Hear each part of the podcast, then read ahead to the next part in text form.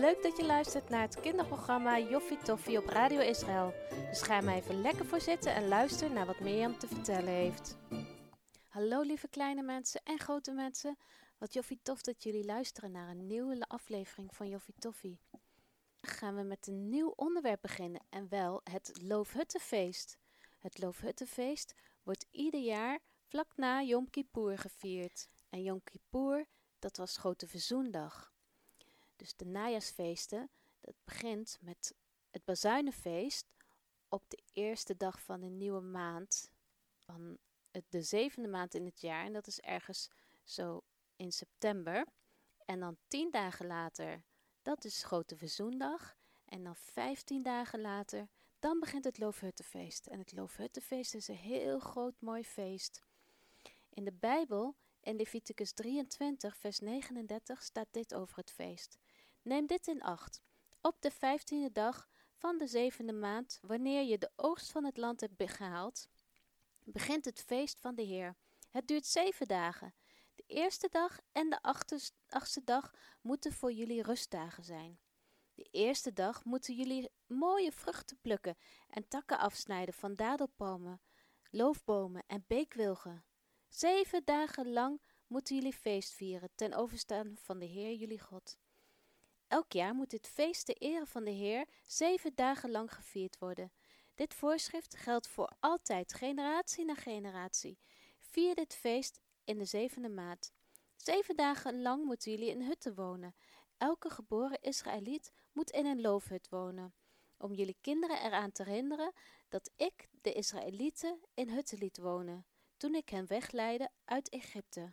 Ik ben de Heere jullie God. In de Bijbel staat dat de Israëlieten het loofhuttenfeest moeten vieren en dan in loofhutten moeten gaan wonen.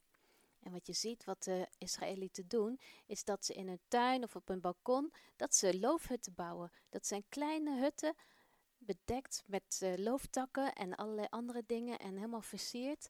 En dan gaan ze daarin zitten. In de Bijbel staat dat ze erin moeten wonen, maar ik geloof niet dat mensen dat nu doen. Maar ze gaan er wel in zitten en eten en drinken en gezellige tijd met elkaar hebben. Kan je voorstellen dat dat super knus is? Misschien is het leuk om ook een keer een loofhut met je ouders te bouwen bij jullie in de tuin. Maar zullen we eens gaan luisteren waar het nieuwe verhaal over gaat? De hoofdpersoon, die heet Hanna.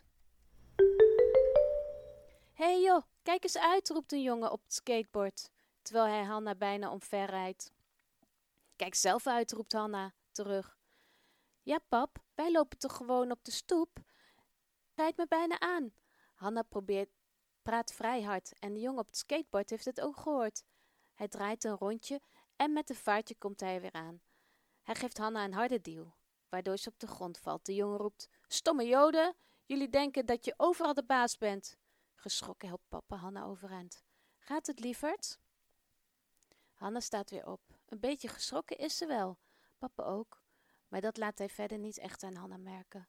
Het is niet voor het eerst dat zoiets gebeurt. Pas werd hij bij, werd bij mama haar tas afgepakt en weggegooid. En toen ze vorige week bij school kwamen, waren de muren beklad met nare woorden. Papa draagt ook niet zo graag zijn kippa meer in het openbaar. De kippa dragen Joodse mannen om aan te geven dat God hoger staat dan zij. Papa draagt hem nog wel hoor, maar dan zet hij zijn petje erop. Zo is het iets minder zichtbaar dat hij Joods is. Wat, er, wat erg eigenlijk dat hij zich niet helemaal altijd veilig voelt.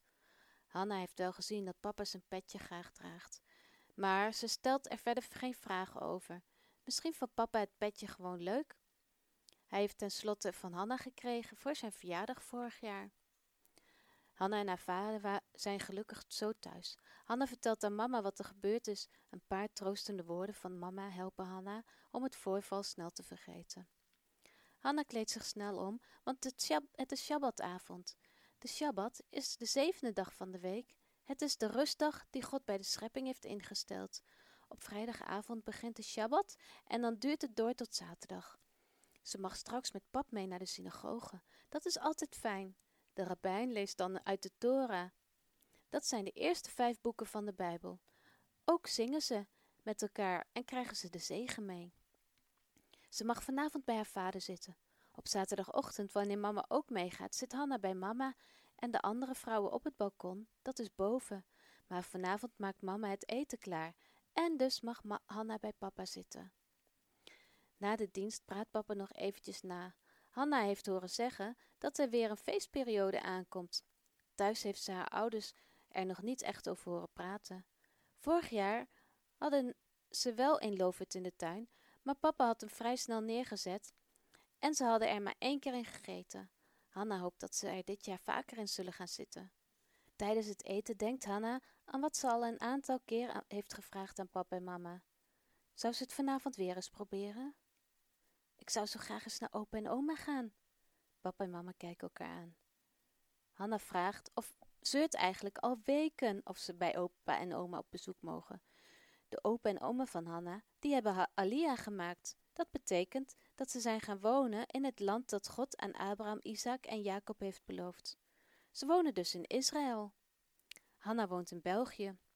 Het is daarom niet zo makkelijk. Nou, Hanna, papa schraapt zijn keel. Mama en ik hebben er goed over nagedacht en met opa en oma besproken. En je mag een weekje gaan logeren. Hanna's mond valt open van verbazing. Echt? Kan ze nog uitbrengen? Echt waar? Echt waar, zegt papa. Het komt heel goed uit met je schoolvakantie. En het is dan precies Loofhuttenfeest. Dit had Hanna nooit verwacht. Ze had juist weer nieuwe dingen bedacht die ze zou kunnen zeggen om haar ouders over te halen. Maar dat is nu helemaal niet meer nodig. Ze mag naar opa en oma. Ze springt van haar stoel en geeft papa en mama een knuffel. Ze is zo blij. Maar wacht eens. Dan gaat ze toch met het vliegtuig helemaal alleen. Hm, dat is best spannend. De rest van de avond vertellen papa en mama hoe het allemaal zal gaan.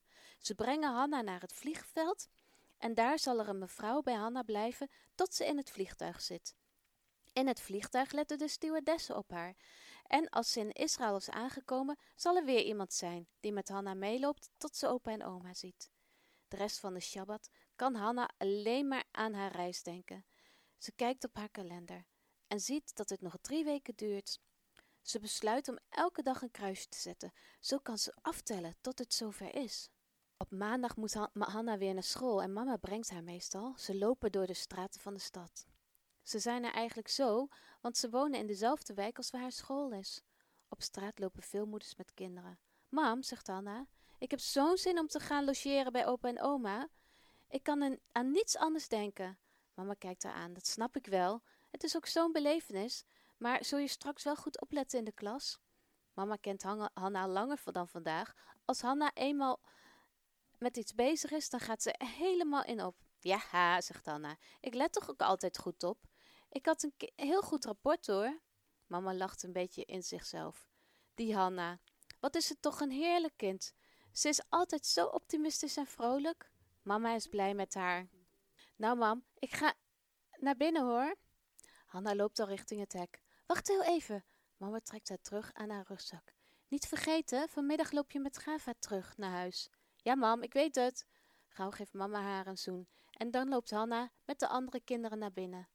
Bij de deur staat een juffrouw te wachten. Ze groet alle kinderen en nadat alle kinderen binnen zijn, gaat de deur dicht. Ook het ijzeren hek langs het schoolplein gaat op slot. Nou, dat is wel uh, goed afgesloten, hè, die school. Ik ben heel erg benieuwd hoe het verhaal verder gaat. Dat gaan we volgende week horen. Luisteren jullie dan weer? Tot dan! Dit was Joffie Toffie, het kinderprogramma van Radio Israël. Wil je nog graag iets kwijt? Stuur ons dan gerust een berichtje op joffietoffie.radioisrael.nl De presentatie was in handen van Mirjam en we vonden het joffie tof dat je luisterde en hopen dat je er volgende keer weer bij bent.